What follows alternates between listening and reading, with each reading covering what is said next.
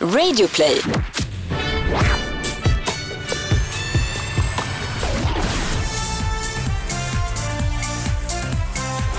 Hej och välkomna! Alltså det känns så tråkigt att alltid börja med hej och välkomna, men jag är inte mer kreativ än så. Det här är Schlagerfesten, podden där du får allt om Melodifestivalen. Hallå Anders, du ser så skeptisk ut i min påa. jag bara, det där gick bra. Ja, här klagade vi på Melodifestivalens manus och så sitter vi själva och Ja. Men nu har det gått fyra veckor, man börjar bli lite trött i bollen. Ja, det är lite trött. Alltså, Mariettes pyramid får plats i påsarna under mina ögon. ja, exakt. Schlagerfesten är podden där vi pratar allt om Melodifestivalen. Vi åker med på turnén, släpper live-avsnitt som vi spelar in i anslutning till genrep och efter final. På söndagen kan man gotta sig i resultat och efterfest. Och på fredag kväll då så är det ju efter genrep och inför. Precis, och vi har nu i några veckor här haft eh, gäster med oss som har varit jättesnälla och ställt upp och pratat med oss och förklarat sina låtar och nummer och, och berättat om sig själva. Eh, men nu är det ju andra chansen och nu har vi ju liksom avverkat alla 28 bidrag och alla artister höll på att säga, även om inte alla varit här såklart. Eh, så att vi tänkte att vi kanske skulle ha lite andra gäster den här mm. gången som ni inte ser i bild. Vi kallar det helt enkelt bakom kulisserna. Ja. För de hänger ju vi med och vi vill att ni också ska lära känna dem och veta hur det egentligen går till. Ja, och utan dem så blir det ju ingen melodifestival. Helt korrekt. Så vi kommer att prata bland annat med en låtskrivare, med en dansare, en skivbolagspamp, Zlatan kallar man honom. Melodifestivalens Zlatan. Skivbolagsmogul är också en titel som har använts. Ja. Eller han försöker i alla fall leva upp till den. han vill själv hellre ha den ja. Eh, koreograf och stylist. Eh, vi har en programledare, vem kan det vara? Eh, och en studioman eventuellt då. Och det allra första man behöver när man ska vara med i Melodifestivalen, vad är det Anders? Det är en låt. Ja, och hur, vem skapar dem? Det gör en så kallad låtskrivare. En väldigt enkel titel. Ja, och en av de mer framgångsrika låtskrivarna vi har på senare tid är ju Linnea Deb. Som tillsammans med bland annat sin man skrev eh, Heroes. Och Robin Stjernbergs You. Som har redan vunnit två gånger och en Eurovision. Nu sitter vi med Linnea Deb som kommer från ett fantastiskt sångkollektiv kallar man det väl, eller? Vad kallar ni det? Ja, du menar Family? Ja. Ja, jo, vi sång, sång, vad kallar man det för? Låtskrivarkollektiv. Team, ja, låtskrivarteam Låtskrivarteam, ja. Precis. Det är du och så är det din man Joy och så är det Anton Hårda Segerstad. Och alla efternamn, ja. ja. Fast han har ju strukit några. Ja, han har tagit bort några faktiskt. Han heter Bror också. Så han har ännu längre namn. Eh, hur, hur kom det sig att eh, ni började skriva ihop? Um, jag tror jag raggade upp honom, höll jag på att säga. På, och inte din man då? Utan... nej. nej, nej, precis. Ja, nej, men vi sågs på Mello. Eh, tror jag, när vi hade med Soldiers och Ulrik Munthe, kan det vara så? Ja, och då började vi snacka lite. Sen såg jag honom ute någon kväll och sa, ska vi inte bara testa och skriva lite? Och så, så blev det en sån här förälskelse, en musikalisk förälskelse. Och så började vi skriva ihop och Ja, det har varit så himla kul sen dess. Vi har jätteroligt och hänger. Men, men ni är inte med någon låt i år? Nej. Blev eh, det bara inte så eller är det medvetet? Uh, nej, jag tror att vi, han har satsat lite mer åt USA-hållet. Och eh, även Joy. Jag har varit den som kanske mest har velat eh, få lite revansch. det gick ju inte så bra med statements där. Så att, eh, ja, jag är revanschsugen. Det är nog därför. Eh, hur många bidrag är det du har haft med i Mello totalt? Har du koll på det? Eh, Soldiers You. Sen hade jag fyra stycken ett år. Sen hade jag fyra ett annat år. Sen hade jag ju två låtar något år. Sen så hade jag Heroes och Statements. Så 14 och med de här då 16. Åh jäklar! Tror jag. Det har blivit en del genom åren ja, alltså? Ja, sex år har jag hållit på det. Ja. Det är kul. Eh, för du har ju med två bidrag i år. Mm. Eh, In My Cabana med Margaret och Cry med Dotter. Mm. Eh, kan du beskriva hur de kom till, de låtarna? Mm, Margaret vet jag, tror jag att de skrev på Sommarkampet, Wrethov och eh, Robert Ullman till att börja med. Och sen så kom Arash in och sen så tror jag de kontaktade mig innan september nu och sa att vi behöver text på det här. Så jag har skrivit text på den. Eh, och Cry var samma sak. Det var Gesson som ringde mig och sa ja, du måste göra text. så då hoppade jag in på text där också. Så i år har jag faktiskt inte gjort nästan en enda melodi. Det är, väldigt, det är också nytt för mig, men det är skitkul. När du skriver låtar, är det så att du liksom planerar i förväg att nu ska vi skriva en låt till Mello? Eller är det att du skriver helt förutsättningslöst och så känner du på något vis att den här ska till Mello. Det här blev Mellomaterial. Eller är det... Mm. Eller skiftar det också? Alltså jag är så dålig på så här pitch, som man kallar det för. Att om någon säger så här, ja men vi vill att du ska göra en låt till det här i Mello, då är jag urdålig på det. Jag tror att jag är som bäst när jag bara utifrån ingenting bara skriver någonting. Sen så kanske det blir så här, men här skulle kanske bli Mello. Några gånger har jag lyckats liksom så här få ihop kanske en artist eller varit med lite så här. Men Heroes till exempel, det var ju bara någonting vi skrev. Och sen så blev det presenterat för oss då, Måns. Ehm, men det är olika. Jag kommer in i en session och jag har alltid massor med anteckningar i min telefon. Jag har miljoner memos där jag spelat in idéer på någonting. Eller jag vill alltid ha en titel eller ett tema. Jag är väldigt så här, temadriven. Jag tycker det är roligt om det finns en röd tråd i en låt och inte bara så här, ja, så. Så att jag, jag är alltid väl förberedd. Fast där ljög jag också, kommer jag på det. Nej, ibland är jag inte alls. Ibland vill jag vara ett blankt papper, så kommer jag in också som blankt papper. För senaste tiden så, nej gud jag ljuger. Nej.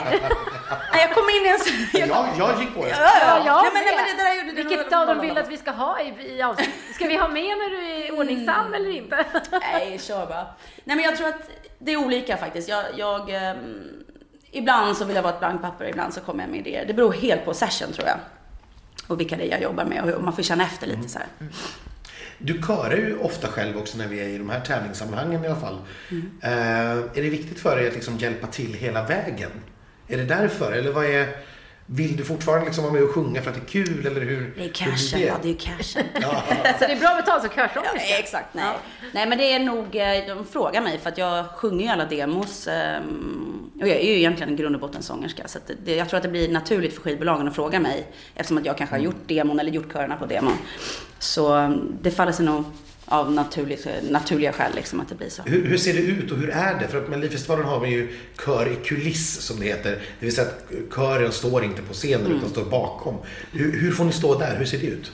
Det är, jätte, det är mysigt, det är så lite lampor och så nu är det då Medea och hej så kramas vi lite, så nu kopplar vi in oss och så säger de så här, de tittar på oss när vi sätter de här pluggarna i öronen och säger okej, tummen upp, ja.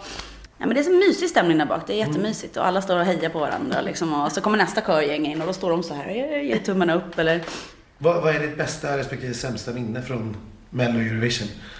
när vi hade You i Malmö så gick jag, nej Joy, gick, det finns så här, i pressrummet finns en stor, eh, här, inte odds-grej, utan liksom vad, vad pressen tycker är etta, tvåa, tre och så här. Jag tror att Joy gick dit och bara flyttade You till etta en gång. och jag kommer ihåg att folk bara, vad, fan? Och vi Det- har varit jätteglada. Ja men exakt, och bara, alla bara såhär, nej. Sämsta kanske är att det tar lång tid att vara borta från barnen så länge och det är väl samma sak här i Sverige. Att, visst, det är jätteroligt och kul att vara på semester, eller det är inte semester här, men kul att få ett hotellrum och träffa alla, alla i den här bubblan är så roligt. Fast man är ju från barnen förstås, och det är väl baksidan. Såklart. Och ändå gör det om och om igen. Och ändå gör jag det om och om igen. Därför att det är så fantastiska människor runt. Ni, alla andra i press och alla liksom artister och skivbolag. Alla man träffar, det är så roligt. Och i år har hon ju då skrivit eh, första bidraget i Andra chansen. Ja, hon har skrivit In My Cabana med Margaret.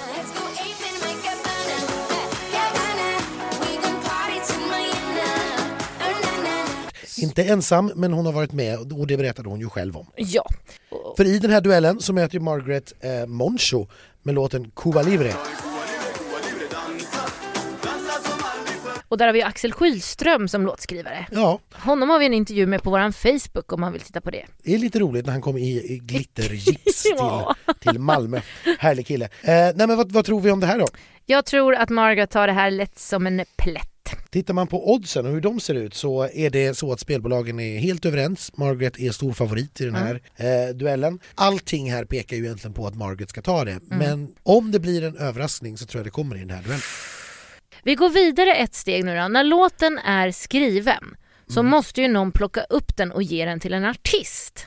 Ja, och den behöver ju spelas in. Och den behöver skickas in till SVT. Jaha. Och man behöver göra promotion och sådär. Vem står för det? Ja, skivbolag är väldigt duktiga på det här. Asså? Ja, det är lite grann det de är experter på. Warner är väldigt framgångsrika i årets melodifestival. Och eh, den som, ja, ganska känd får man väl säga åtminstone i mellobubblan, före detta popidolen Ja. eh, Robert Skowronski. Min titel är eh, A&R eh, och det står för Artist and Repertoire. Och vad gör en sån? En sån är, eh, kan man säga, en talangscout och letar efter både nya artister och hitlåtar och sätter ihop rätt artist med rätt låtskrivare hitta producenter, är spindeln i nätet kring varje artist. Och hur fick du det jobbet? Hur hamnade du där? Oj, hur långt ska jag utveckla det? Eh, jag har ju själv bakgrund som artist. Eh, Jag var artist i... Jag försörjde mig som artist i tio års tid. Eh, Utbildad musikalartist i London. Eh, Vann ett talangprogram som heter Popstars i kanal 5. Fick då skivkontrakt med Warner och var med i popgruppen Supernatural. Ja, kom in i musikbranschen på det sättet. Sen gjorde jag massa musikaler efter Mamma Mia, bland annat på Cirkus i två och ett halvt års tid. Var med i Mamma Mia-filmen och körade. Eh, dansade i Melodifestivalen 2007 bakom Jimmy Jansson och eh, Elin Lanto. Eh, så det var min första så här, kontakt med, med Mello. Eh, och sen så hade jag en ny popgrupp som eh, hade några hits i Östeuropa. Vann bland annat pris i Polen för årets internationella hit. Och vi vann över Danny med Tokyo. så det var stort. Eh, och i den vevan där någonstans så kom jag på att fan jag är duktig på att styra upp och så här, för att vi, vi gjorde allt från att skriva låtarna till att eh, ge ut dem på egen label och fixa dealar och sådär. Och då insåg jag att jag är duktig på att eh, liksom på det här att ta fram låtar, artister och så här. Om jag kan göra det för mig själv då kanske jag kan hjälpa andra. Eh, och då bestämde jag mig för att utbilda mig inom management. Eh, och hamnade så småningom eh, som praktikant hos Anders Johansson som är manager till Veronica Maggio och var väldigt involverad i Mello tidigare. Och han lärde mig allt han kunde.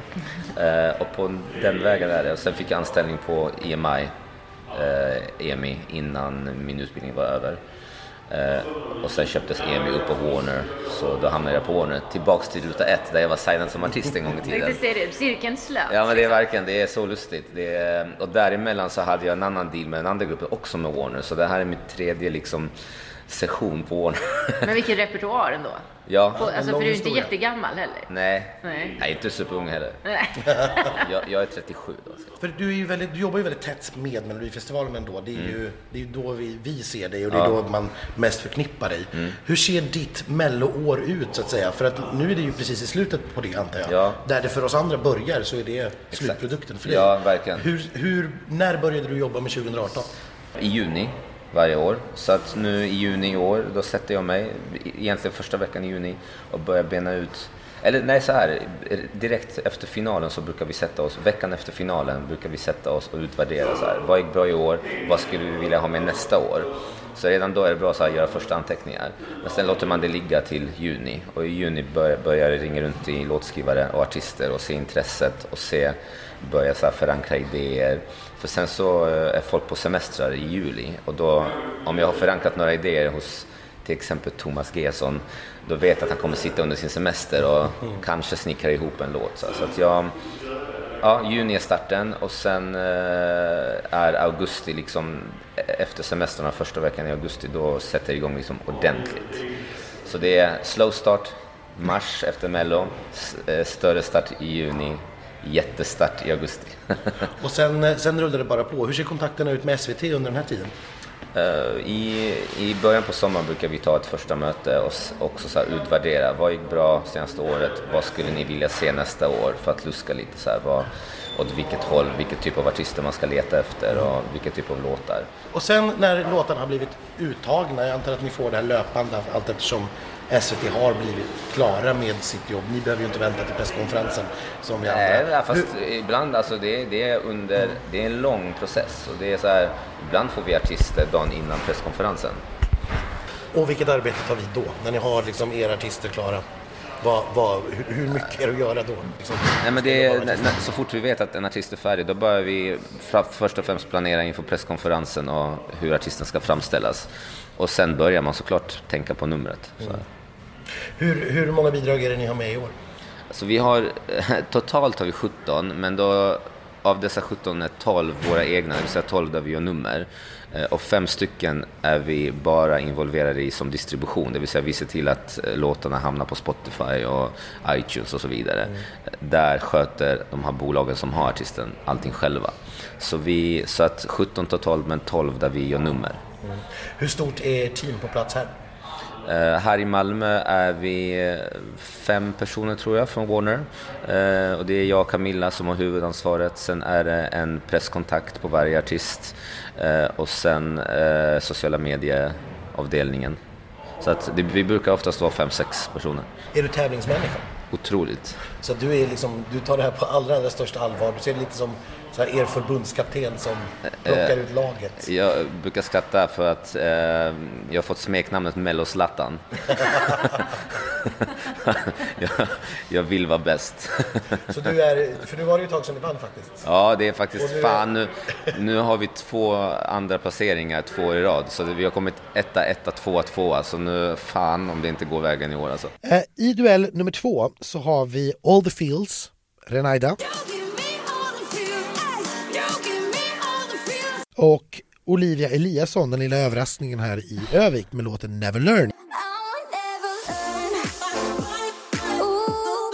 Jag eh, hoppas och tror ju att Renaida tar det där lätt just eftersom att jag är lite sur på Olivia att hon snodde Elias andra chansen-plats där. Ja, ska man titta på hur oddsen ser ut så ja absolut, Renaida är stor favorit. Tittar vi på hur Spotify-listan ser ut just nu så ligger Renaida på plats 48 och där ligger Olivia Ol- Eliasson på plats 29. Så Oj! just nu ligger faktiskt eh, Olivia före. Och väldigt mycket dansare har hon på scenen. Det är ett väldigt komplext nummer och det här är väl kanske nästa steg då när vi har en, en låt och vi har ett skivbolag. Och vi har kommit med. Och när man har sitt nummer så måste man ju ha dansare i det här numret om det är så att man ska ha det. I alla fall om man ska ha en så dansig låt som Renaida nu då till exempel har, eller Olivia. Exakt. Och en dansare ska vi nu prata med. Han heter Martin Jonsson. Om vi börjar med begreppet husdansare. Vad är det för någonting? Vad gör en sån? En husdansare är någon som eh, SVT anställer för att delta i alla sex programmen och bidra med dans och show. Och hur får man ett sånt jobb? För du var ju det förra året. Mm, det stämmer.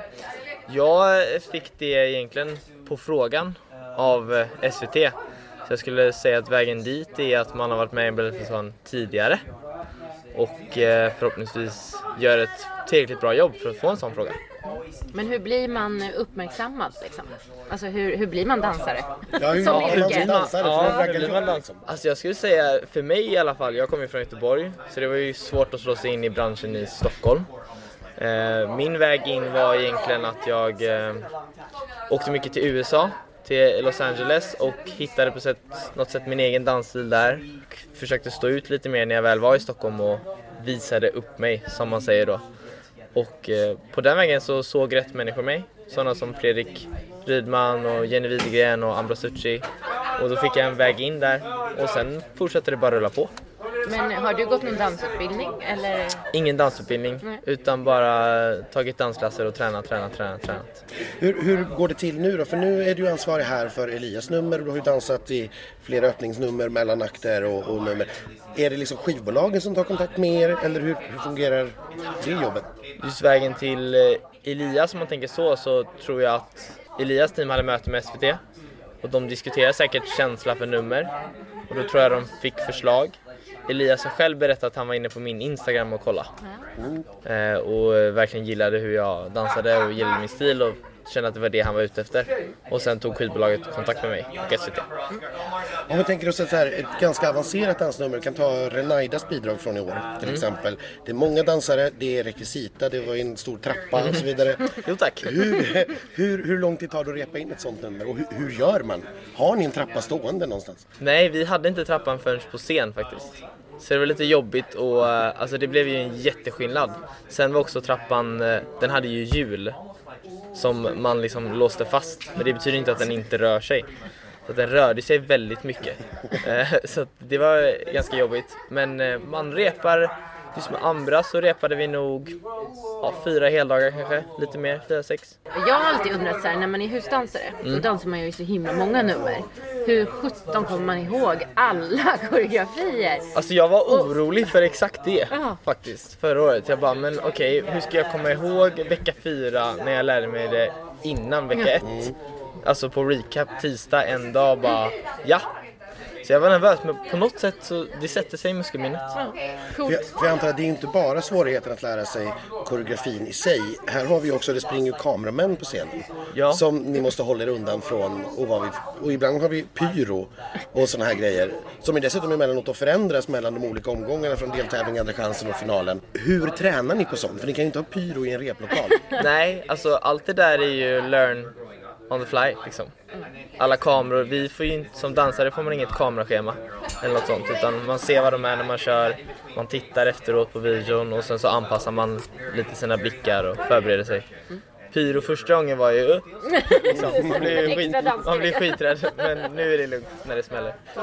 Kan du komma ihåg någon gång när det har blivit liksom riktigt, riktigt fel? På scen? Ja. Alltså jag vill ju inte göra så här mot honom.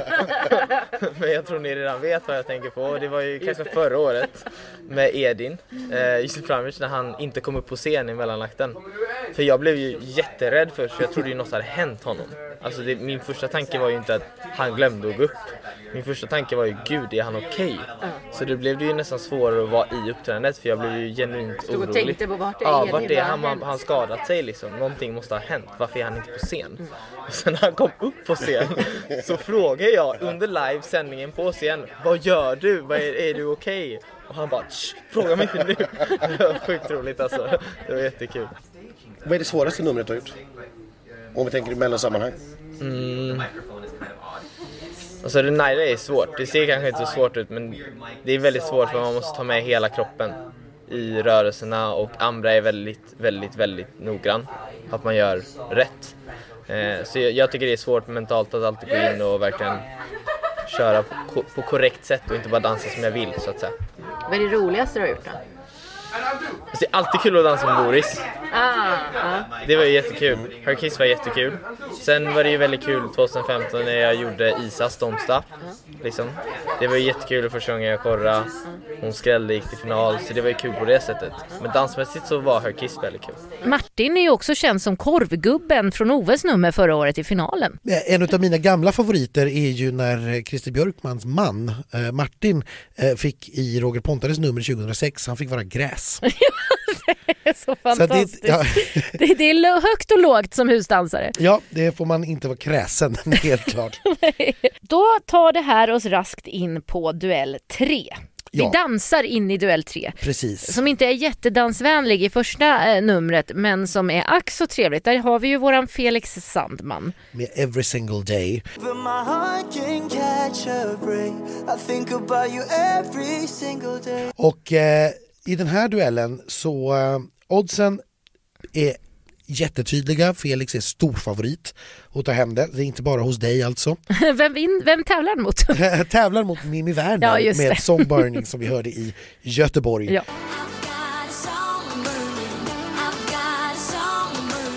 Eh, och tittar vi på Spotify just nu så är ju Felix eh, överlägsen här därför att han ligger på plats nummer fem. Ja. Eh, Medan Mimi Werner inte ligger bättre än på plats 91. Noterat här har jag gjort att tre av tre dueller innehåller orange styling. För både Margaret Renaida och Mimi Werner bär orange. Ja, det är årets färg. Ja, och vem är det som bestämmer sånt där? Vad artisterna ska ha på sig och vad de ska göra på scenen? Det finns ju naturligtvis proffs på det här också. Är det sant? Ja, vem kom det. på pyramiden? Vem kom på pyramiden? Vem kom på gångbanden? Vem kom på bungee-linorna förra året? Vem kom på Benjamins lysrör? Vi kallar ju oss för eh, Bröckner och Sign, eller Sign och Bröckner. Beroende på vem som Inverterat svarar namn, först. Ja. exakt. Ja. eh, det är liksom vårt företag som vi gör tillsammans, eh, där vi jobbar tillsammans i det kreativa eh, och bygger numret ihop. Sen så delar vi på oss, om man säger så, i våra yrken och så blir jag koreograf. Och jag är stylist. Hur, hur går det till när ni liksom får uppdrag från artister och skivbolag? Och så? Det är olika. Det, det kan vara både skivbolagen som kontaktar oss och eh, har en, en färdig artist eller som bara känner att de skulle vilja ha en, en vision om någonting, om en eventuell artist. Eller så kan det vara artisterna själv som um, eh, kontaktar oss eh, långt i förväg och säger att det här finns på tapeten och det skulle vara kul, kan vi ses och snacka lite. Har ni några artister som ni liksom känner att de här skulle vi väldigt gärna vilja jobba med? Vi jobbar med många av dem i år. Det är alltid roligt med, med nya. Nya människor som man kan breaka. Liksom. Till exempel Moncho och jag var ju fantastiskt Ja. roligt. Men få vara med från början liksom och liksom så här. Nu har ju i och för sig han släppt musik förut, inte så, men det är ju kul i det här sammanhanget liksom att få vara med och liksom Hur, hur, vad, vad händer sen då? När ni liksom har kommit fram till att ja, men nu ska vi, om vi tar Moncho som exempel. Att, ja, nu, nu gör vi det här ihop. Vad, hur går det till sen? Hur, den kreativa processen? Alltså vi lyssnar på låten och vi börjar spåna idéer och, och det, kan, alltså det kan verkligen börja utifrån en färg. Man får en färg i huvudet. Och sen kanske eh, ibland kommer det bara att första öppningsbilden liksom kommer upp i huvudet eller eh, att man får en känsla av eh, blommor till exempel som du fick. Och, alltså att det kommer liksom små, små delar som vi sen kopplar ihop och liksom bygger en ett helt paket av en helhet. Liksom. Eh, det skulle nog vara väldigt kul att vara med på de första mötena för vi börjar ju alltid väldigt stort med 18 elefanter och, och sprutar eld från alla möjliga håll. Men det är lättare att ta ner det än att behöva. Skala upp det. Ja. Ursäkta, vi behöver 18 elefanter i Halmstad liksom. Ja. Men det är lite så när vi kommer in på möten liksom att så bara, "Åh, nu kommer de, okej, nu ska vi se. Nu kommer det att kosta pengar igen. Ja. Men det behöver inte göra det heller. Nej. För det kan vara extremt, det kan, det kan vara lika roligt och exakt lika svårt att framställa ett nummer som bara har en spot.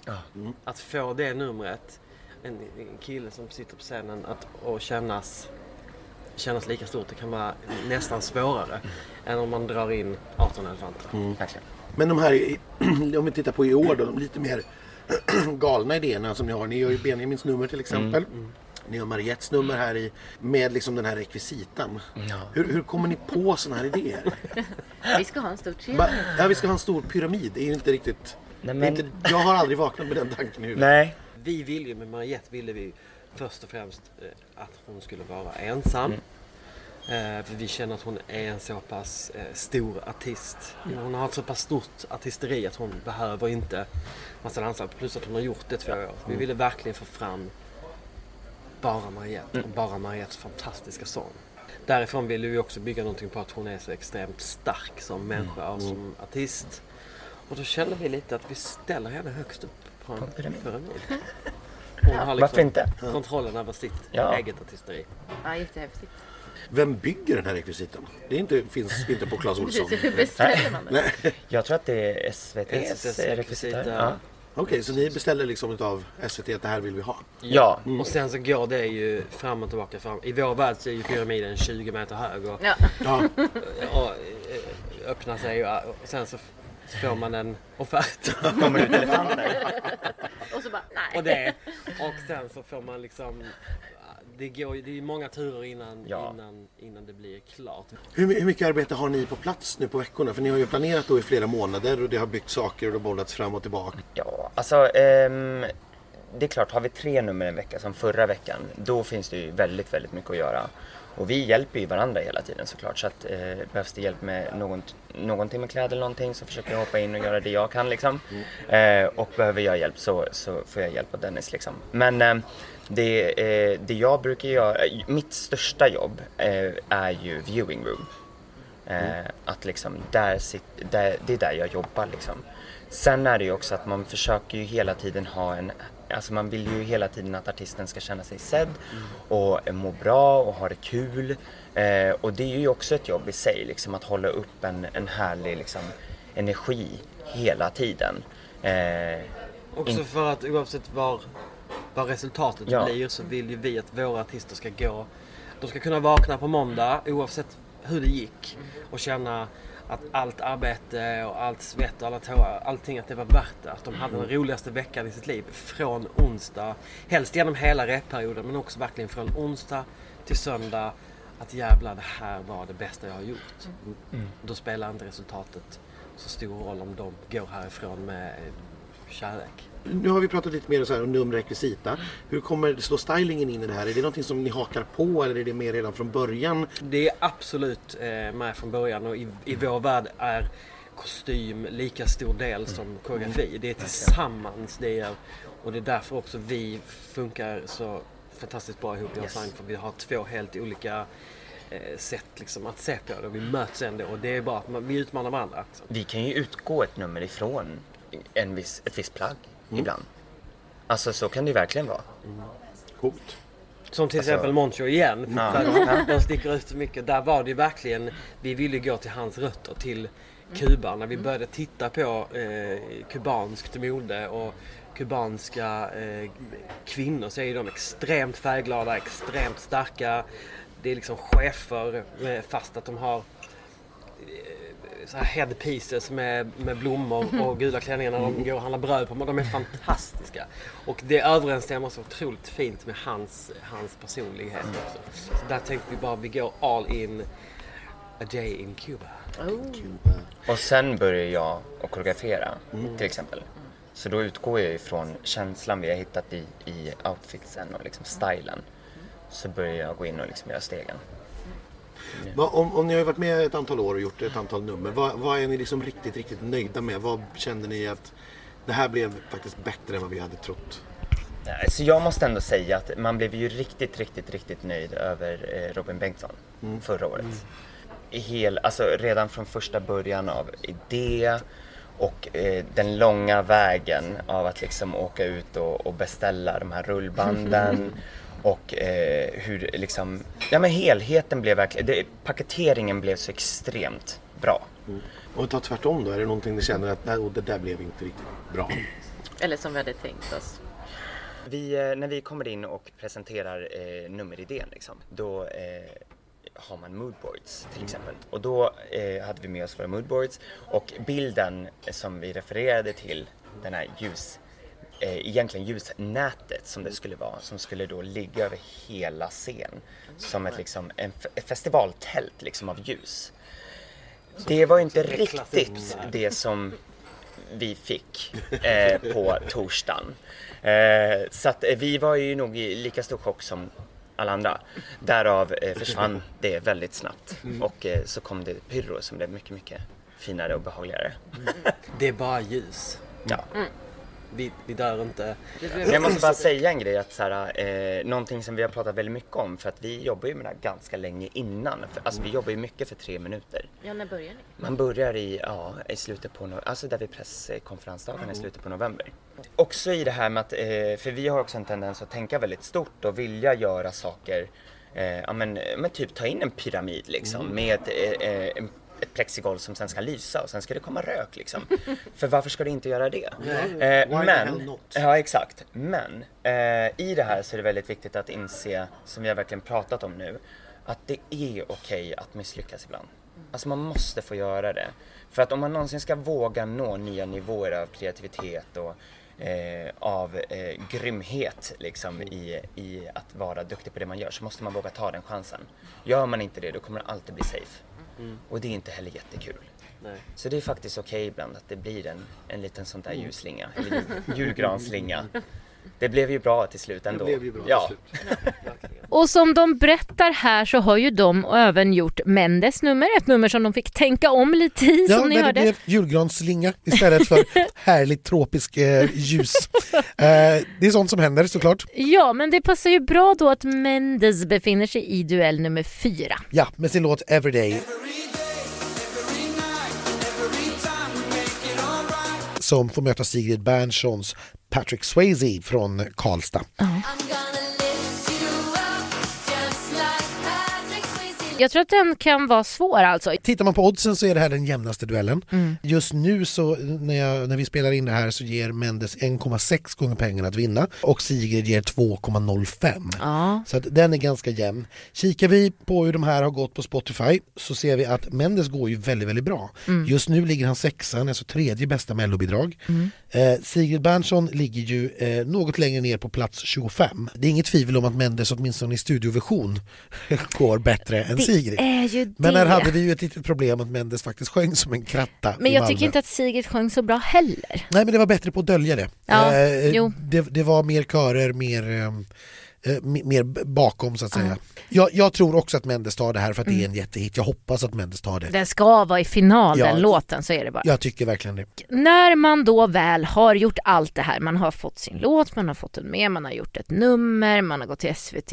Då är Ja. man ju i programmet. Ja, då är det direktsändning. Det är nu vi som tittare kommer in. Och vad vore programmet utan en programledare? Nej, det vore inte mycket att ha. Vad är roligast då? Eh, nej men jag, eh, Jag älskar ju att tävla, jag älskar tävlingsmomentet och jag, jag drömmer ju också om att få representera Sverige i Eurovision någon gång. Mm. Men just nu i mitt liv så tycker jag det är skitkul att vara programledare. Jag vet inte, jag trivs väldigt bra i den rollen. Jag, jag får sjunga och showa och eh, så får jag prata och improvisera. Och bara, Men tycker betyder om den du- känslan när man känner att man har publiken i handen och man har tittarna och man, när det lirar. Jag tycker det är jättehäftigt. Men betyder det att du kommer tävla igen då? Eh, säkerligen, men jag tänkte Ja. på det där. Jag bara, ja men nu är jag programledare, så tar jag paus två år, så kommer jag tillbaka och så bara, men vänta då är du 40 år. Kan man stå där och dansa? Och jag vet inte, vi får se. Det är klart du kan. herregud. Jessica, hallå? Jessica, 45 verkligen. snart. Ja, Ja, verkligen. Ja, Men dance like a father. Ja, Ja. precis, exakt. Så ja, men jo men det kommer jag nog, det kommer jag nog göra. tror jag. När, när börjar ni liksom sätta ramarna för varje avsnitt? Januari kan man nog säga, alltså vi började jobba i november typ. Eh, Direkt efter presskonferensen. Ja, precis. Då hade vi möten ganska ofta och man planerade vad man vill göra. Jag droppade massa idéer om vad jag kunde se mig göra som öppningsnummer och Sunil hade sina idéer. Och, och så sen, men januari, 8 januari, det var då man började repa liksom på riktigt. Och hur mycket reptid lägger ni liksom ner på ett nummer? Typ pole dance-numret? Eh, och... det, det, just poldance tog ju väldigt mycket tid. Ja. Det hade jag ju så här, privatlektioner tre, fyra gånger i veckan i fyra veckors tid. Ja. Coolt ändå. Men sen fick jag ta en paus, min axel blev inflammerad efter två veckor så jag fick liksom gå på rehab. Och Oj. liksom så här, och verkligen. Det är hårt det här. Ja, det, ja jättekul. var fasen hård alltså. Är det något du kommer fortsätta med nu? Var det kul? Eh, det var skitkul och asbra träning men jag tror inte. Nej. nej. Men hur, hur ser den då ut för en programledare då på plats? Hur mycket repar ni? Skriver ni om manus? Ehm, ja men alltså måndag, tisdag, måndag så, så repar man öppningsnumret fram till lunch eller efter lunch. Sen åker jag till kontoret och så sitter vi med manuset, läser igenom det. Kommer på nya grejer, tar upp om det har hänt något under veckan. Tisdag också bara putsa på, då sitter vi med manus hela dagen och liksom håller på med det. Onsdag åker till plats och då är det manusarbete och så är det programledarpositioner torsdag och så story. Men annars är det ju att jag alltid, jag börjar ju repa vid nio på morgnarna och repa innan artisterna kommer. Och så sen har jag eget arbete under dagen och så sen är det på kvällen. rep. Efter de är artisterna klara. Hur mycket hinner du se av artistuppträdandena? Liksom? Eh, under, under sändning ser jag ju dem helt och hållet typ. Ja, in- på en skärm, Ja, eller? precis. Eller om jag står och kollar ut det. Ja. Men, eh, men under veckorna ser jag in någonting typ. Springer man om varandra bara. Ja. Men hur är skillnaden nu då när du är ensam? Eh, nej men jag tycker nästan att det har varit lite lättare att jobba för att eh, jag kan bara repa med mig själv. Uh, vara på hotellrummet och repa, jag behöver inte öva timing med någon egentligen. Det är de här grejerna med Freddie men det, det funkar rätt bra. Eh, så det, och, och även då i planeringsstadiet att jag bara kunde säga exakt vad jag vill göra. Behöver inte kompromissa med någon, behöver inte liksom vad kan de göra, vad kan vi göra? Jag bara sa allt jag ville göra och så Hur delaktig är du i manusarbete och sånt? Eh, nej men de- alltså Linus eh, och skriver en grund, gör hela grunden liksom. Eh, men sen till exempel kommer jag som förra veckan när vi på Jessica så kom jag med idén, men fan vi bryter ut och gör ett nummer av Ja. förra vinnarlåten. Du vet sådana där små grejer Ja. Mm. kommer jag med liksom, sånt som jag tycker är kul. Och, Ja. Men vad, vad blir nästa steg nu då i karriären, tror du? Blir det Allsång på Skansen? Jag är sjukt sugen på det faktiskt. Ja. Det tror jag hade passat Att leda mig. programmet? Ja, det hade Ja. varit roligt. Ja. Ska Sanna sluta? Eller? Nej, hon Nej, gör nej. sommar. Hon kör sommar också. Men sen ja. tror jag hon. Jag vet inte. Men... Jag försöker göra en äh, så arbetsansökan. Ja, precis. David vill jättegärna ta Ja över. men då hoppas jag att SVT vet att David jättegärna vill vara Ja men det tror jag skulle vara roligt och så också tror jag också skulle passa mig. Men sen vet jag faktiskt inte. Jag har några grejer men det är liksom 2020.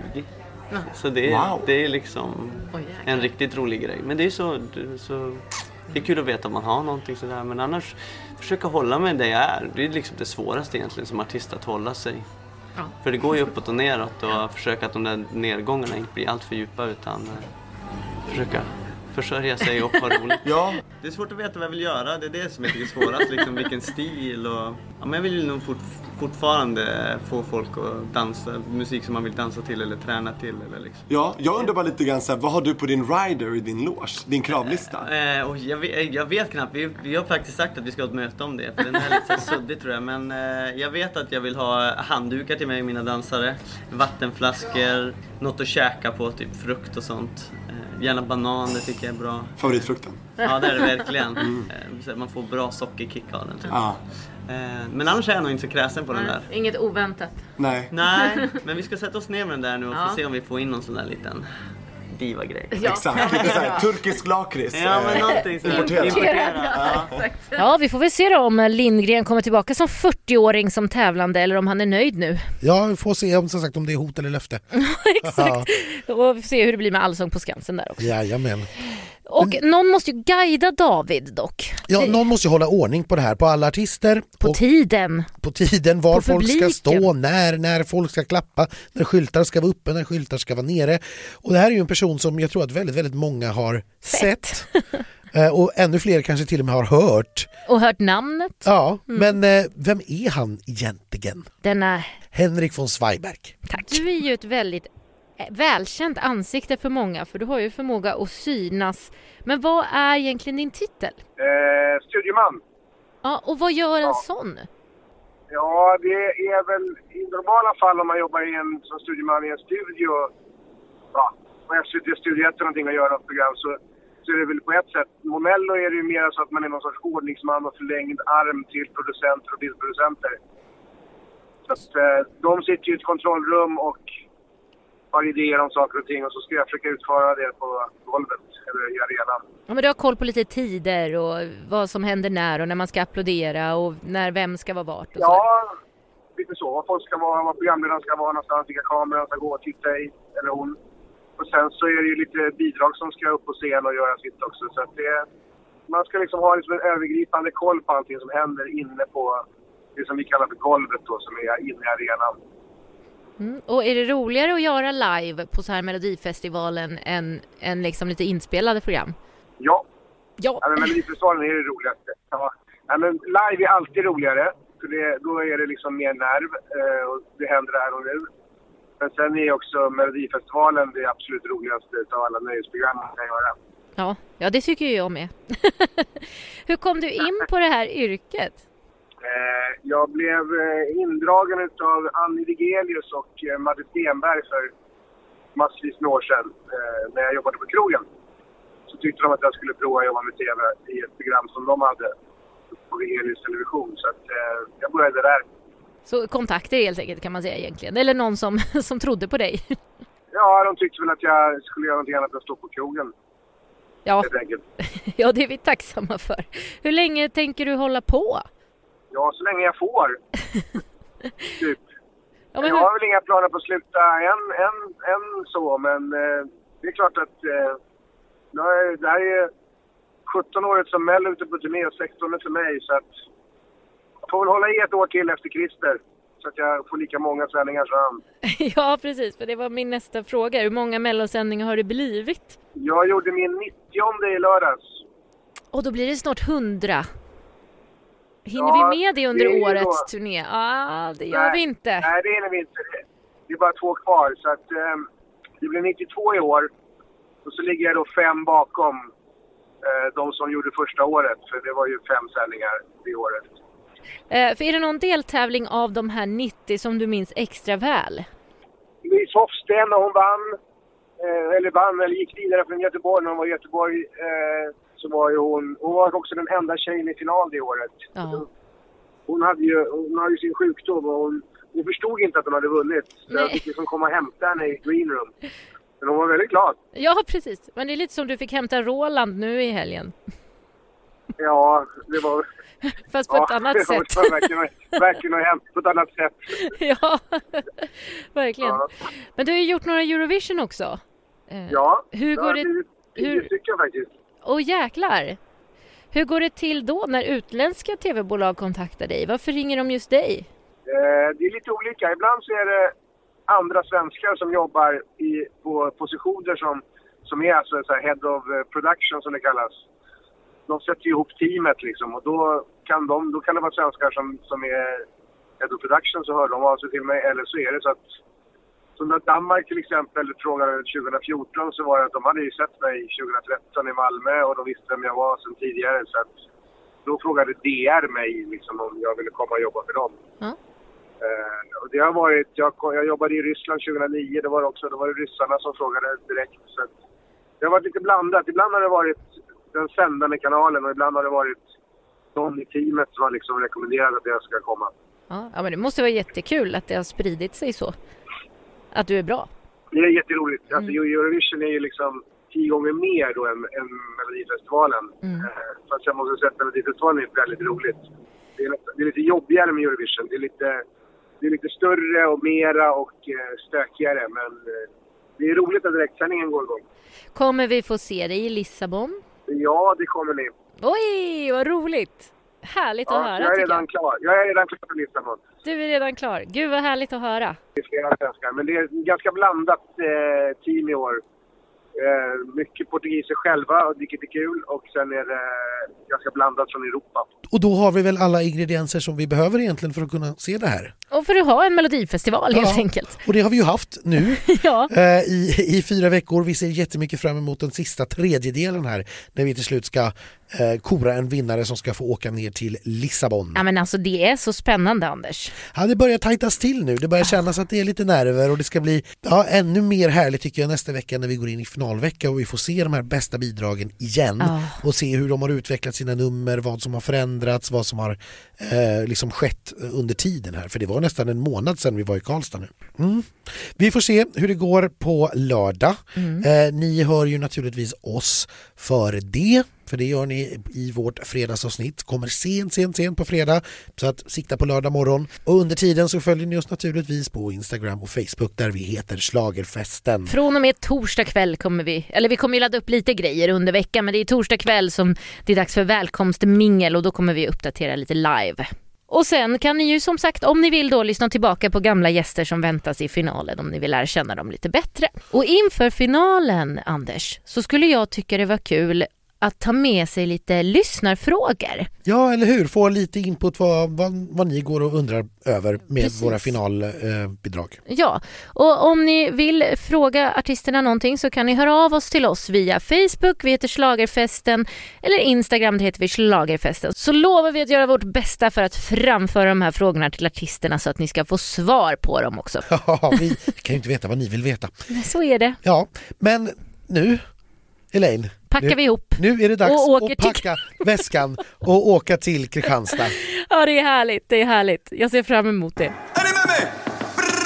Ta en Cuba libre, Cuba libre, dansa Dansa som aldrig förr Ta en Cuba libre, Cuba libre, dansa Dansa som aldrig förr Ta en Cuba libre, Cuba libre, dansa Dansa som aldrig förr Ta en Cuba libre, Cuba libre, dansa Ta en Cuba libre, Cuba libre, dansa Dansa som aldrig förr Ta en Cuba libre, Cuba libre, dansa. Dansa som aldrig förr